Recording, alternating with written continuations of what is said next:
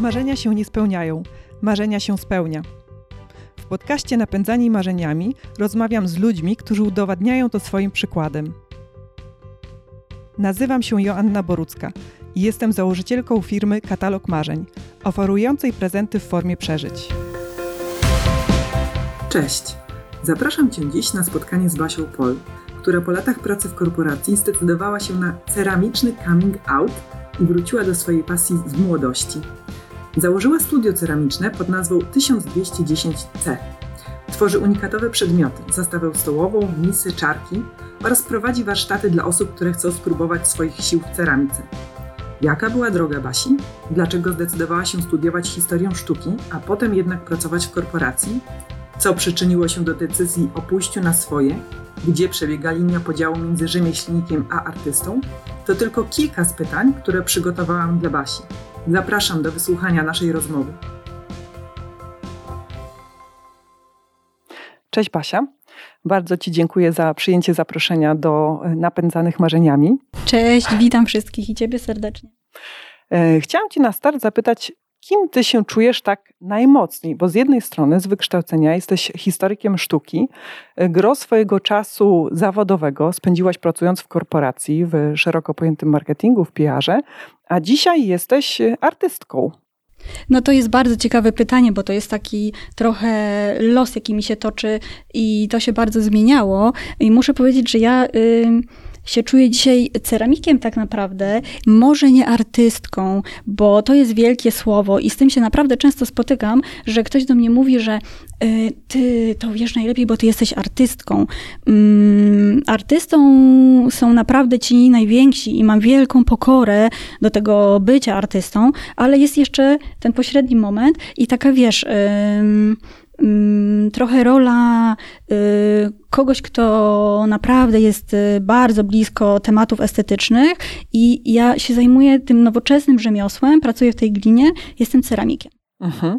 No właśnie też chciałam się ciebie zapytać o to, gdzie ty stawiasz tę linię podziału między y, rzemieślnikiem i artystą, ale do tego może dojdziemy, bo chciałabym tak sięgnąć do początków. E, wybrałaś jako szkołę, e, szkołę wyższą, właśnie historię sztuki. Dlaczego? Wiesz co, to właśnie wyszło bardzo z domu, bo my tak naprawdę y, żyliśmy ciągle w domu w otoczeniu sztuki. Moi rodzice y, dużo zbierają i kolekcjonują przedmiotów takich nieoczywistych, bym powiedziała, bo mają bardzo dużo rzeźb i szkła artystycznego. I to są takie przedmioty 3D, tak naprawdę, właśnie sztuka, ale nie ta na ścianie, tylko ta stojąca. No i to był taki, taki mój oczywisty, y, mm, takie środowisko naturalne, w którym wyrastałam.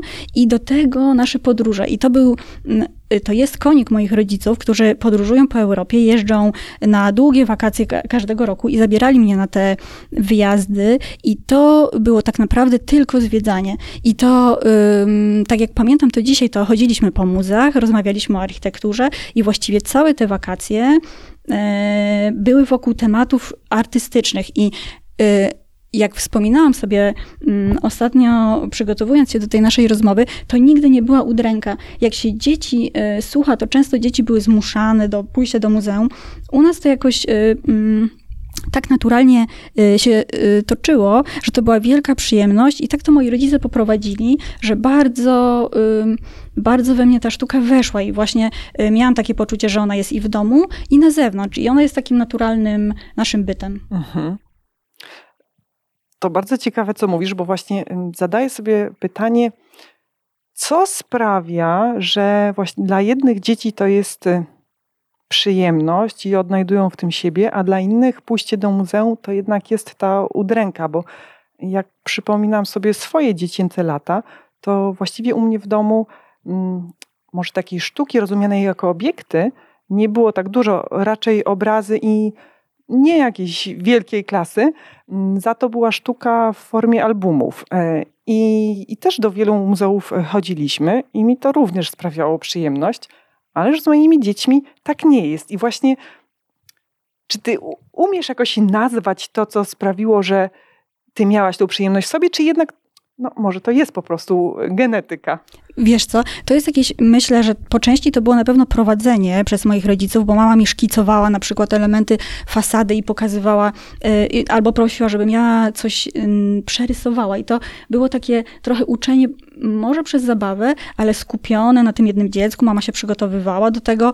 No i mm, myślę, że trafiła na podatny grunt, mhm. bo dzieci dzisiaj na pewno trudniej do tej sztuki tak przekonać, ale, y, no, ale próbujemy metodą zabawy i jakiejś takiej, takiego pozytywnego oglądania tych wystaw, szukania, zgadywania. No, są świetne działy edukacji w muzeach, które te lekcje przygotowują naprawdę super i dzieci wchodzą w temat. No więc fajnie, jak się w orbicie ma osobę, która umie tak poprowadzić może za rękę i pokazać, że w tym muzeum może być ciekawie, nie? Uh -huh, uh -huh. A wybierając y, kierunek studiów, czym poszłaś za głosem serca, po prostu cię to ciągnęło, czy miałaś już e, na myśli jakiś taki docelowy zawód związany ze sztuką? Wiesz co, takim przełomowym momentem e, były mm, dwie podróże. Właśnie był taki moment, że mój tata, który e, zawsze planował te wyjazdy i był generalnie głównodowodzącym, po, podszedł do, w czasie mojego liceum to już było, podszedł do tematu w ten sposób, że chciał, żebym razem z nim zaplanowała te podróże. I wyszły takie dwie tematyczne wycieczki tak naprawdę. To były trzy tygodnie. Pierwszy raz szlakiem katedr gotyckich, a drugi raz to, były, mm, to była podróż szlakiem impresjonistów, ale też nie w taki oczywisty sposób, że jeździliśmy po muzeach, tylko bardziej po domach, po pracowniach, po tych miejscach, gdzie oni żyli. I to y, po prostu mnie tak chwyciło za serce i tak weszłam cała y, sobą w to, że naturalnie ta historia sztuki przyszła i, i to no to tak to się potoczyło. Mhm. Okej, okay, tak się potoczyło i skończyłaś te studia, ale jednak po studiach mm, trochę to się zmieniło, tak? Co no takiego właśnie. się e, wydarzyło, że po studiach e, zdecydowałaś się mm, zacząć pracę w korporacji?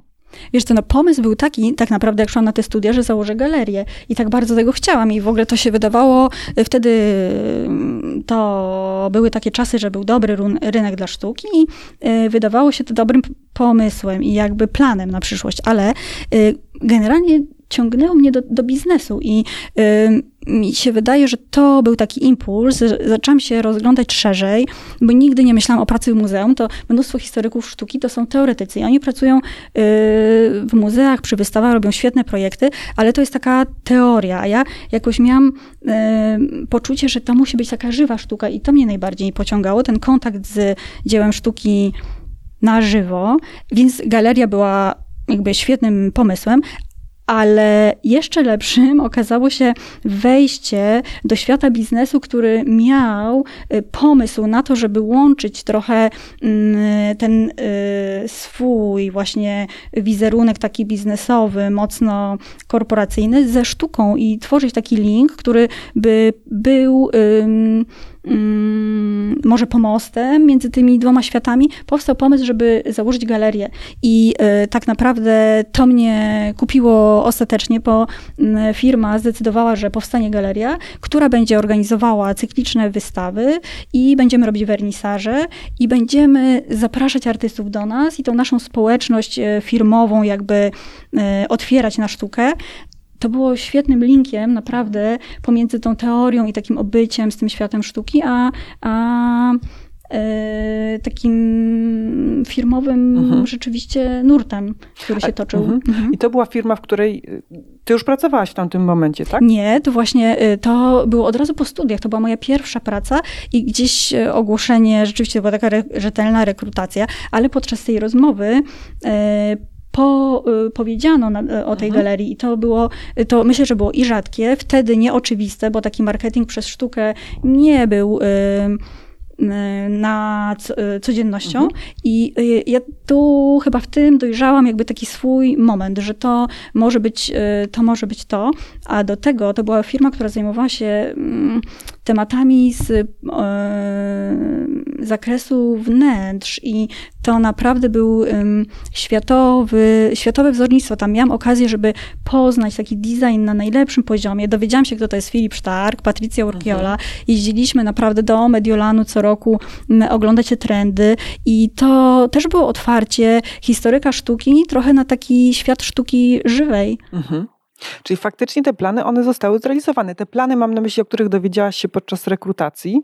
Ta galeria mhm. funkcjonowała przez 7 lat, myślę, 6-7 lat i regularnie wernisażowaliśmy i robiliśmy wystawy i potem to się troszeczkę e, przeformułowało w projekty e, fotograficzne i premiery produktów tutaj w Polsce miały taką formułę, że zapraszaliśmy grono fotografów, którzy robili sesje zdjęciowe inspirowane tym produktem, a że produkt był z najwyższej półki i naprawdę to było wzornictwo na światowym poziomie, to nie, nie było, e, nie było jakby nigdzie zgrzytu tego artystycznego artystycznego. Poza tym dawaliśmy wolną rękę y, i to były świetne, świetne projekty, świetne wystawy powstały. Mhm. Brzmi bardzo ciekawie, ale dziś jednak jesteś ceramikiem, czyli nie pracujesz już w tej korporacji. Co się e, zadziało, że e, nastąpiła ta e, zmiana? Wiesz co, ta praca w korporacji była cudowna i była taka naprawdę y, mocno niekorporacyjna, bo ja y, rzeczywiście zafunkcjonowałam w tym środowisku jako taka osoba, która wlewa sztukę do tego świata i tak sączy jakby w przystępny sposób y, takie tematy, które zwykle wydają się mocno niedostępne. I i to bardzo dobrze działało, bo ja y, właściwie pracowałam z kreatywnymi y, sferami i z fotografami, i z architektami, z dziennikarzami i to, ale ja reprezentowałam stronę y, korporacyjną mhm. w tamtym momencie. Z kolei rozumiałam ich bardzo i jakby mm, znałam ten świat i czułam trochę po ich niemu. I to było takim naprawdę pomostem świetnym. I tak jak sobie myślę, to mm, było super doświadczenie, bo jak jechaliśmy na przykład do Paryża, to nie szliśmy pod wieżę Eiffla, tylko szliśmy do La Maison Roche, czyli takiego domu, który Le Corbusier zaprojektował i wszyscy byli zachwyceni, bo każdy już pod wieżą Eiffla był, a te nasze typy i mm, takie mm, smaczki, które dla nich wyszukiwaliśmy, to było rzeczywiście w tamtym czasie cenione.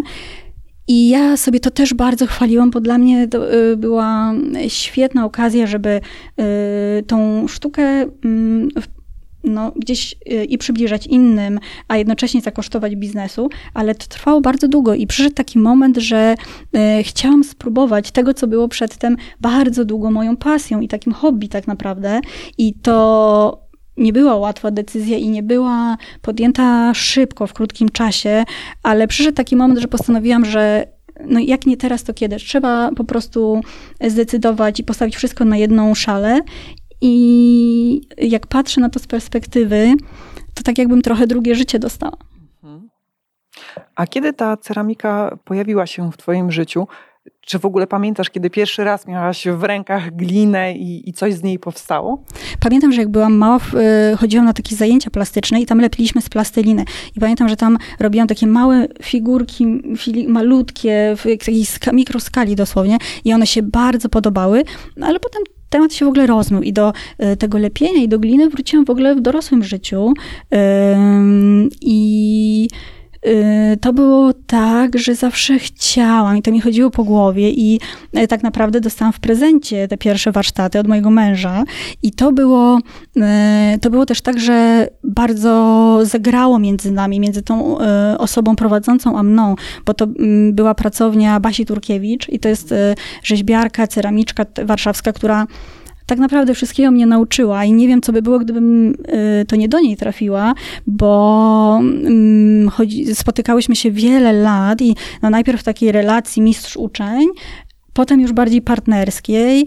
No i cudownie przyjeździmy się do dziś. Ona mnie wszystkiego nauczyła. Ona w zupełnie innej stylistyce pracuje. Też to może dlatego było łatwe, że gdzieś nawzajem. Yy, Czerpałyście? Czerpałyśmy, mhm. ale też y, umiałyśmy się wymienić doświadczeniami, skomentować te swoje prace nawzajem i to, y, i to tak naprawdę y, była moja nauka i mój warsztat. Mhm. Ile lat trwała ta nauka pod okiem mistrzyni? Wiesz, to spotykałyśmy się, myślę, ponad 10 lat. I to, to były zajęcia takie regularne, że to raz w tygodniu, tylko tak, takie warsztaty ceramiczne, no to 2-3 godziny, więc to spotkanie e, jest długie, przy herbacie i, e, no i lepimy. E, także taka dekada, myślę. Mhm.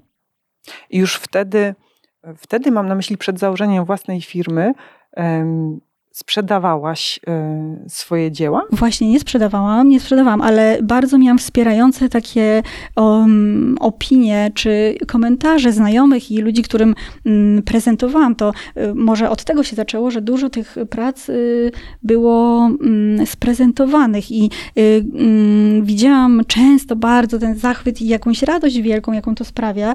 I ba, mm, bardzo ważne były też takie komentarze osób, które są dla mnie i z których y, jakby opinią się liczę i które w sposób bardzo pozytywny oceniły jakąś pracę, którą gdzieś przypadkiem miały okazję zobaczyć, to też dawało takiej pewności, że to już jest moment, że jesteś y, osadzona, że już jesteś w miejscu, że możesz sama pracować. Nie? No właśnie, a jak dochodziłaś do tego swojego stylu? Bo masz taki charakterystyczny styl. Mm, nie wiem, czy ja potrafię go opisać, e, bo ja e, znam e, Twoje dzieła, wyroby. One z jednej strony mają w sobie coś takiego delikatnego, z drugiej strony no, mają ten charakterystyczny, duża część, duża część dzieł ma charakterystyczne motywy z wykorzystaniem głównie starych koronek, E, koronek dzieł na, e, wykonanych e, na szydełku. Mm, kolorystyka, widzę pewną przemianę też, tak obserwując właśnie Cię już przez dobrych kilka lat, od takich bardziej delikatnych, pastelowych właśnie, po bardziej takie żywe kolory. No ale wciąż ja mam przed oczyma te, te dzieła i tak trudno, są takie mm, zawinięcia też takie charakterystyczne. Jak się do tego dochodzi? Wiesz co, no właśnie to y, jest tak, że y, tak naprawdę super zauważyłaś taką ewolucję, bo to mm, można by te moje prace też trochę podzielić na pewne y, takie może kolekcje, które z czasem y, się zmieniały i przychodziły kolejne na miejsce poprzed, tych poprzednich.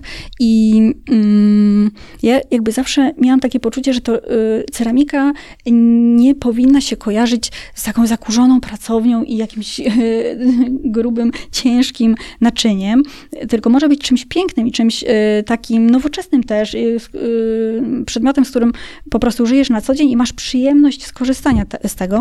Więc trochę nietypowo zaczęłam właściwie od korzystania z bardzo intensywnych szkliw i w ceramice często się szkliwi na beżowo, szaro, na kolory ziemi. Ja mam dosyć dużo mm, rzeczywiście tych kolorów pastelowych, może czasami mocniejszych, ale ale w takich soczystych, y, w soczystych mm, barwach, tonacjach i to się podoba i to też dobrze we wnętrzach wygląda.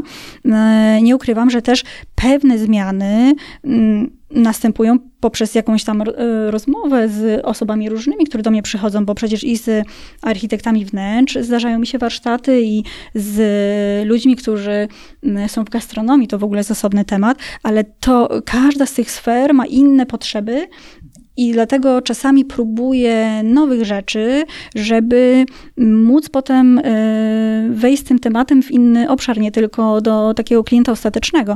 Ale tak naprawdę jeszcze materiał y, determinuje czas, e, często ten kształt, bo mamy glinę gładką, taką naturalną, z której wszyscy najczęściej lepią jasną, ale jest też glina szamotowa z takimi drobinkami. Ona jest mocniejsza, no to wtedy masz naczynie cięższe, ono ma inny charakter, inaczej wygląda.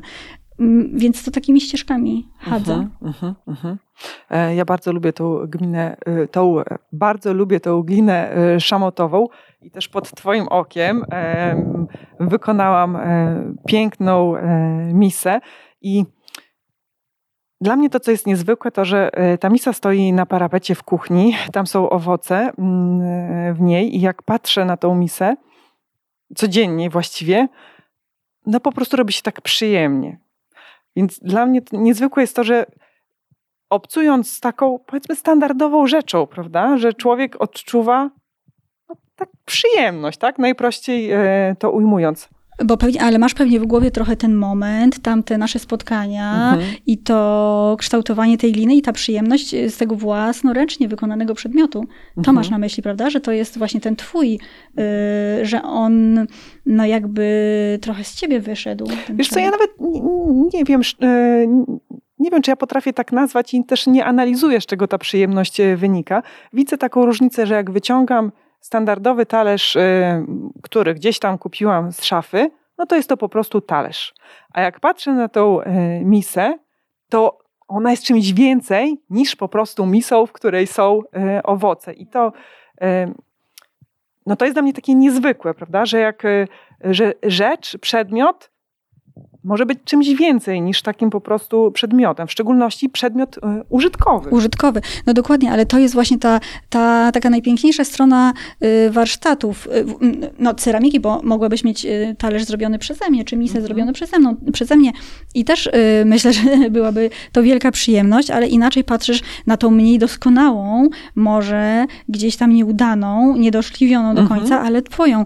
I no to generalnie w kontekście całej tej ceramiki to mówimy o tej przyjemności obcowania z ręcznie wykonanym przedmiotem, gdzie wiesz, że y, dłonią y, osoby y, ta forma była kształtowana i powstała jakby w sposób taki gdzieś, gdzie ten, masz dotyk za dotyk. Tak mhm. Y, kiedyś mi takie zdanie przyszło do głowy, że no to nie jest seryjna produkcja maszynowa, ale ten aspekt, który poruszyłaś, warsztatów i właśnie przedmiotów, które powstają w pracowni na zajęciach, to jest mm, to jest y, świetne, bo ja y, bardzo lubię y, te warsztatowe emocje mhm. i ludzi, którzy przychodzą, lepią, często z dużą dozą nieufności we własne umiejętności i widzę tą ewolucję takiego, takiego dochodzenia do kształtu i zdawania sobie sprawy, że tak, udało mi się, będzie, będzie misa i będzie moja i zrobię to i bardzo to,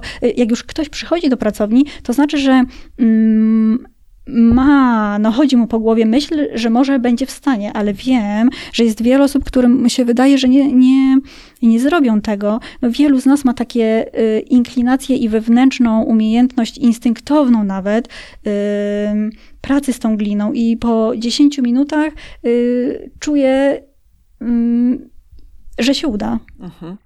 No tak, ale faktycznie y, pamiętam y, te myśli, które mi przechodziły przez głowę za grubo, za cienko, e, nie wiem, gdzieś to się nie połączy dobrze, to szkliwo właśnie, a tu, tu tutaj się nie doszkliwiło, a tu jest jakoś za gruba warstwa i no pojawia się... Yy, Wiele znaków tak. zapytania, no ale to o tym dyskutujemy i właśnie przez to, że te warsztaty y, są y, w takim bezpośrednim naszym kontakcie, no to ja konfrontuję się cały czas z tym przedmiotem i z, tym, z tą twoją pracą. Gdzieś mogę trochę ingerować, żeby zapobiec problemom, czy żeby potem naczynie nie pękło, żeby dobrze się połączyły miejsca, gdzie mamy ten szef, ale, no, ale to się udaje. Mhm. I y, ja mam takie poczucie, że wielu osobom daje, tak daje, daje skrzydeł, naprawdę, że oni przychodzą po, y, bardzo fajne są te ostatnie spotkania, kiedy już przychodzą po gotową pracę, żeby ją odebrać i widzą ten efekt ostateczny, to, no to jest cudowne I, mm, i takie dawanie radości i pewności siebie i przyjemności potem na co dzień. Mhm. Tak, i to jest przyszło mi do głowy takie porównanie z motylem, bo e, to, co się u ciebie zostawia, to jest taka poczwarka. Jeszcze kurczę, nie wiadomo tak naprawdę, co z tego wyjdzie, a potem właśnie przychodzisz, patrzysz, wow, to ja to zrobiłam naprawdę? To takie tak, piękne. tak, tak. I tym bardziej, że szkliwo najczęściej jest szaro-burę, a dopiero w tym procesie wypału y, wychodzi kolor, więc y, no, wychodzisz z poczuciem, że pomalowałaś to w jakimś bliżej nieokreślonym brunatnym kolorze, mhm. a ma być turkusowe albo mhm. żółte, nie? Dokładnie. Wracając do początków firmy. Skąd pomysł na nazwę i też na specyfikę e, działalności, zakres oferty? Właśnie na początku e, to były głównie wyroby, dzieła. Teraz e, od jakiegoś czasu intensywnie również szkolisz. Jak byś o tym mogła opowiedzieć?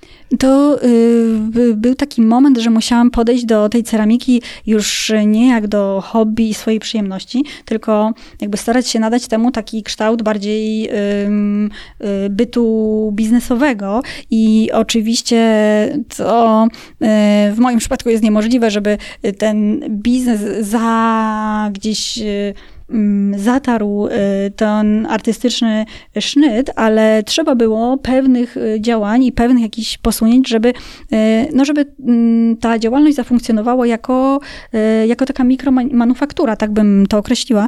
No więc zaczęłam od strony internetowej i mm, i takiego uporządkowania może tych produktów. I tak naprawdę to głównie są rzeczy, które się sprzedają jako prezenty i rzeczy na jakieś większe okazje. Robimy też personalizo robię personalizowane prezenty, czyli z jakąś dedykacją, czy z właśnie tą koronką, o której rozmawiałyśmy, to zdarzało się, że potajemnie były u krawcowej schadzki i sukni ślubnej były wzięte fragmenty koronki panny młodej i robiłam e, zastawę z e, motywem tej koronki, która była jakby takim nieoczywistym odniesieniem do tego dnia, skojarzeniem. To było piękne, naprawdę już tych e, serwisów powstało nawet kilka, bo ten pomysł jest uważam rewelacyjny, no ale no, trzeba było to jakby zamknąć właśnie w taką całość z propozycją dla różnych odbiorców i to się mam nadzieję udało. To oczywiście ewoluuje, bo dosyć mocno świat restauracyjny mnie też zaanektował,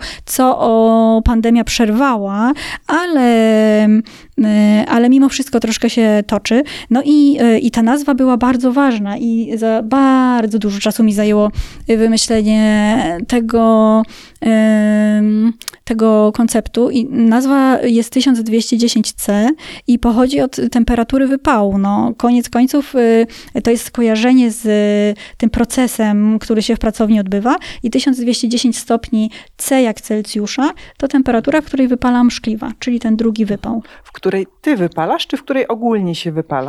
Ja bardzo lubię tę temperaturę, ale y, szkliwienie to jest cała alchemia i proces y, y, tajemny. Mm, wielu ceramików ma swoje sukcesy, odkrycia i robi różne eksperymenty. I mm, są ska skale tych temperatur, na które się wypala i wiadomo, że między szkliwa wysokie i to może być między 1150 a 1250, no ale masz tam cały czas pole do manewru.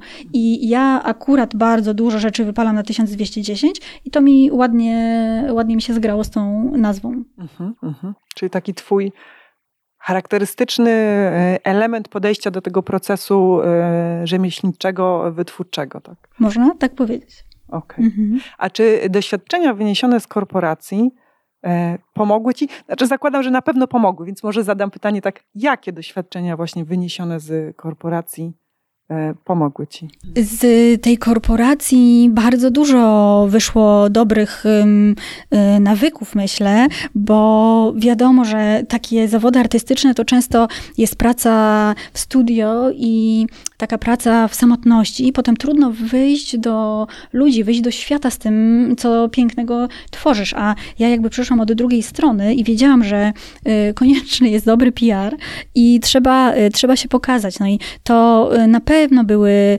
mm, bardzo pomocne Y, aspekty, że y, cały ten świat mediowy, który, y, który mm, znałam dobrze i był mi przyjazny, no, mogłam teraz eksplorować jakby od innej strony, no i to potoczyło się bardzo, bardzo fajnie w tym aspekcie, no ale też taka regularność pracy i systematyczność. To nie jest moja mocna strona, ale się bardzo staram i wiem, że to jest ważne i że po prostu trzeba pewne rzeczy robić, żeby, żeby to też biznesowo zafunkcjonowało.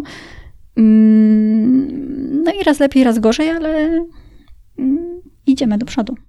Okej, okay, czyli te relacje, kontakty i podejście do organizacyjnego planowanie. procesu. Mhm. Jest też tylko też ta, bardzo specyficzna sytuacja osoby, która pracuje sama, no bo jestem y, właściwie jednoosobową firmą i y, skupiam wszystkie wątki w sobie tym sposobem, nie mogę delegować tej pracy na nikogo, a że jestem perfekcjonistką estetyczną, to wszystkie elementy od pudełka po fakturę, e, nie wspominając oczywiście o tym przedmiocie, który wychodzi z pracowni i sposobie jego zapakowania, mają być piękne i jakby mm, w ten sposób y, wykonane czy zaprojektowane, żeby to wszystko grało mm, razem jako taki spójny koncept. I to zjada i spala mnie bardzo i dużo czasu zajmuje i chyba dochodzę mm, do takiego momentu, że pewne rzeczy trzeba oddać, żeby mieć czas na to, na swoją pracę i też na nowe myślenie, bo y, pewne wzory się powtarza i rzeczy, które mam w sklepie i które są y, stworzone, y, wykonuję jakby sukcesywnie, powtarzam i dorabiam, no ale pracuję też nad nowymi tematami i na to też potrzebuję czasu, więc żeby sobie zostawić taką przestrzeń i powietrze na to, no to troszeczkę zaczynam pewne wątki delegować. Mhm. Powiedziałaś, że właśnie jesteś perfekcjonistką, jeśli chodzi o tą estetykę i to piękno. I jesteś też e, historykiem e, sztuki. I w tym kontekście chciałam Ci zadać pytanie, czy są, czy można jakoś zdefiniować piękno? Czy można jakoś określić parametry? To chyba brzmi nieodpowiednio. to, brzmi to nieodpowiednio brzmi, ale właśnie takie elementy, które składają się na, na to piękno. Wiesz co, myślę, że to jest bardzo e, szeroki temat z jednej strony, a z drugiej bardzo subiektywny, bo y, w pracowni często takie rozmowy się toczą i z różnymi gośćmi, i z uczestnikami warsztatów, ale i z znajomymi. Rozmawiamy o tej stronie estetycznej przedmiotu i to piękno, mm, no, każdy ma inne postrzeganie, bo możemy różnie oceniać tą samą rzecz, ale na pewno mm, na pewno to musi być y, estetyczne i takie wypracowane, ale teraz jak mówię wypracowane, to od razu mi przychodzi do głowy, że piękny przedmiot wykonany przez uczestnika warsztatu, który jest bardzo niedoskonały i nie jest idealnie wypracowany, jest dla niego też piękny, więc to jest właśnie ten relatywizm. Mhm. Trudne to jest, prawda? Określenie tego piękna. Jednocześnie Mm. Ale szukamy go, tak. szukamy go właśnie, bo y, jeśli byś się spotkała z artystą, y, który maluje czy rzeźbi i y, jest rzeczywiście mm, po akademii, takie poczucie swojej misji, to ci ludzie często zażegnują się od tego pojęcia i nie chcą operować w ogóle takim przymiotnikiem, nie? A sztuka, ich sztuka nie ma być piękna, a my jesteśmy trochę pomiędzy, bo my jesteśmy z tym przedmiotem użytkowym, ze sztuką użytkową i dążymy do tego, żeby była ta przyjemność obcowania z przedmiotem na co dzień, który właśnie jest w orbicie twojego wzroku. E, więc nie boimy się tego piękna i może mieć bardzo wiele wyrazów. Mhm. A czy na e, historii sztuki jest taki przy, przedmiot, który w jakiś sposób e, wyjaśniałby znaczenie sztuki, ale też tej sztuki użytkowej e, dla społeczeństwa, czy może nie tyle znaczenie, co wpływ na społeczeństwo, takie bardziej socjologiczne ujęcie e, sztuki? To jest bardzo ciekawe i myślę, że myślę, że teraz jest kilka uczelni, które mają takie kierunki i to e, ba, bardzo ewoluowało od czasu, kiedy ja studiowałam, bo ja byłam naprawdę na takiej czystej historii sztuki, gdzie mieliśmy cztery lata, cztery epoki i to była teoria czysta, jeździliśmy na objazdy, ale to było tylko wszystko wokół tej architektury, malarstwa, i rzeźby i nie było w ogóle styku z życiem y, i nie było żadnego takiego przedmiotu. Ale z tego co wiem, teraz y, wprowadza się takie y, wątki, żeby też ułatwić tym studentom mm, przekazywanie tej wiedzy, bo to o to też chodzi. To jest jakaś forma edukacji szerszej i często historycy sztuki taką rolę pełnią. No i żeby im dać warsztat i świadomość tego, że to jest bardzo ważne i jak to robić, to te przedmioty się pojawiają. Może nie na historii sztuki, ale na tych kierunkach i na School of Form, i chociaż na uczelniach artystycznych pewnie też, chociaż nie mam rozeznania, ale, ale to się zmienia z tego, co słyszę. A skąd czerpiesz inspirację do swoich kolejnych y, dzieł? No właśnie inspiracje to jest często y, temat, y, pytanie często zadawane i y, no gdzieś najpierw, ja myślę, że u mnie to w ogóle jest wielkie, y, temat wielkiego opatrzenia, że ja widziałam w życiu tyle dzieł sztuki i tyle przedmiotów różnych i sztuki dawnej i współczesnej i tego wzornictwa właśnie designu, z którym się stykałam w czasie pracy tej pierwszej mojej, że w głowie jest cały jakby taki, taka biblioteka form, zestawień. To pomaga e, czy utrudnia? I pomaga, myślę, że pomaga, bo to jest trochę taki proces, y, y, mówi się o mm, takiej wiedzy milczącej, tacit knowledge. I to jest y, jakby taka wiedza, której nie opiszesz, nie sformułujesz, ale ona w tobie jest i bardziej ją pokażesz, czy stworzysz. I czasami u mnie w tym procesie tworzenia tak jest, że to ręka idzie za głową, ale bardzo często głowa idzie za ręką i ta ręka zna specyfikę gliny i wie, jak się zachowuje taki czy inny kształt, jak go uniesiesz, y, łączysz i, i, i ten proces, y, ja, ja mało szkicuję bardzo i nie projektuję raczej na kartce przedmiotu, które chcę wykonać, tylko y, bardziej kierunkowo wiem, co to będzie i już z tą materią na blacie pracuję ręką i to mm, i też tak naprawdę poprzeczka jest bardzo wysoko, więc oczywiście mm, większość prac nie przechodzi y, korekty i nie jest akceptowana, ale dochodzisz do tej formy, która jest idealna. To jest praca dochodzenia do formy idealnej. Mhm. A to jest bardzo ciekawe to, co powiedziałaś, że y, często głowa idzie za ręką i, i, i pewnie właśnie w takim obszarze artystycznym sztuki to jest bardziej zrozumiałe czy intuicyjnie. Ja mam tak, że mi często jest trudno sformułować zgrabną myśl słownie, ale w momencie, kiedy siadam do komputera i piszę, to jest zdecydowanie łatwiej. Więc ja czasem mówię, że ja myślę rękoma, bo jakoś pod tych palców e, dużo łatwiej mi jest zgrabne myśli wydobyć niż, e, niż z głowy mówiąc. Mm, ale e, pozostając w temacie inspiracji, to czy masz takiego swojego ukochanego mistrza, może niekoniecznie na, na którym się wzorujesz, tylko który jest dla ciebie ważny po prostu? Mm -hmm.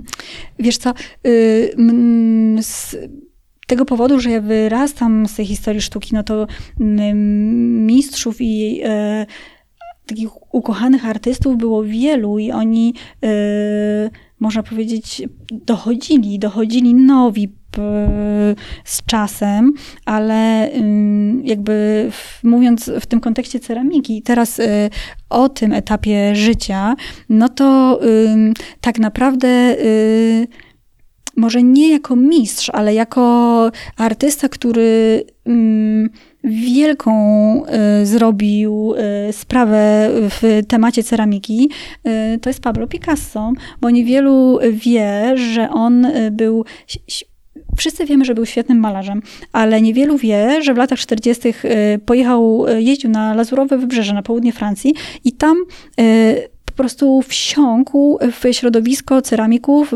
Valoris. Jest taka miejscowość, która od wieków e, produkowała, e, specjalizowała się w ceramice. Już w czasach rzymskich tam tworzono gliniane naczynia i było tam mnóstwo warsztatów. On e, w jakiś sposób dotarł do jednego z, jednego z tych studiów i zaczął pracować w ceramice i on przywrócił ceramikę tak naprawdę e, dla świata sztuki, bo to było rzemiosło e, takie masowe i jakby w ogóle dyscyplina, którą, której nie uważano za sztukę. A on e, zrobił mnóstwo tych prac, miał łatwość ręki, tak jak i w malarstwie, tak tutaj i rzeźbił, i malował gotowe już naczynia, które mu przywożono. I on miał wielką radość z tego, że każdy może mieć Picassa, bo było takie, tak naprawdę, jak jechało się na wycieczkę do tego Valorii, to można było za 50 y, przysłowiowych euro, dzisiejszych powiedzmy, kupić sobie wazon y, przez niego pomalowany. I to była y, cena, i on już w tym czasie osiągał ogromne sumy za swoje obrazy, ale ta ceramika, jakby to była inna kategoria w ogóle.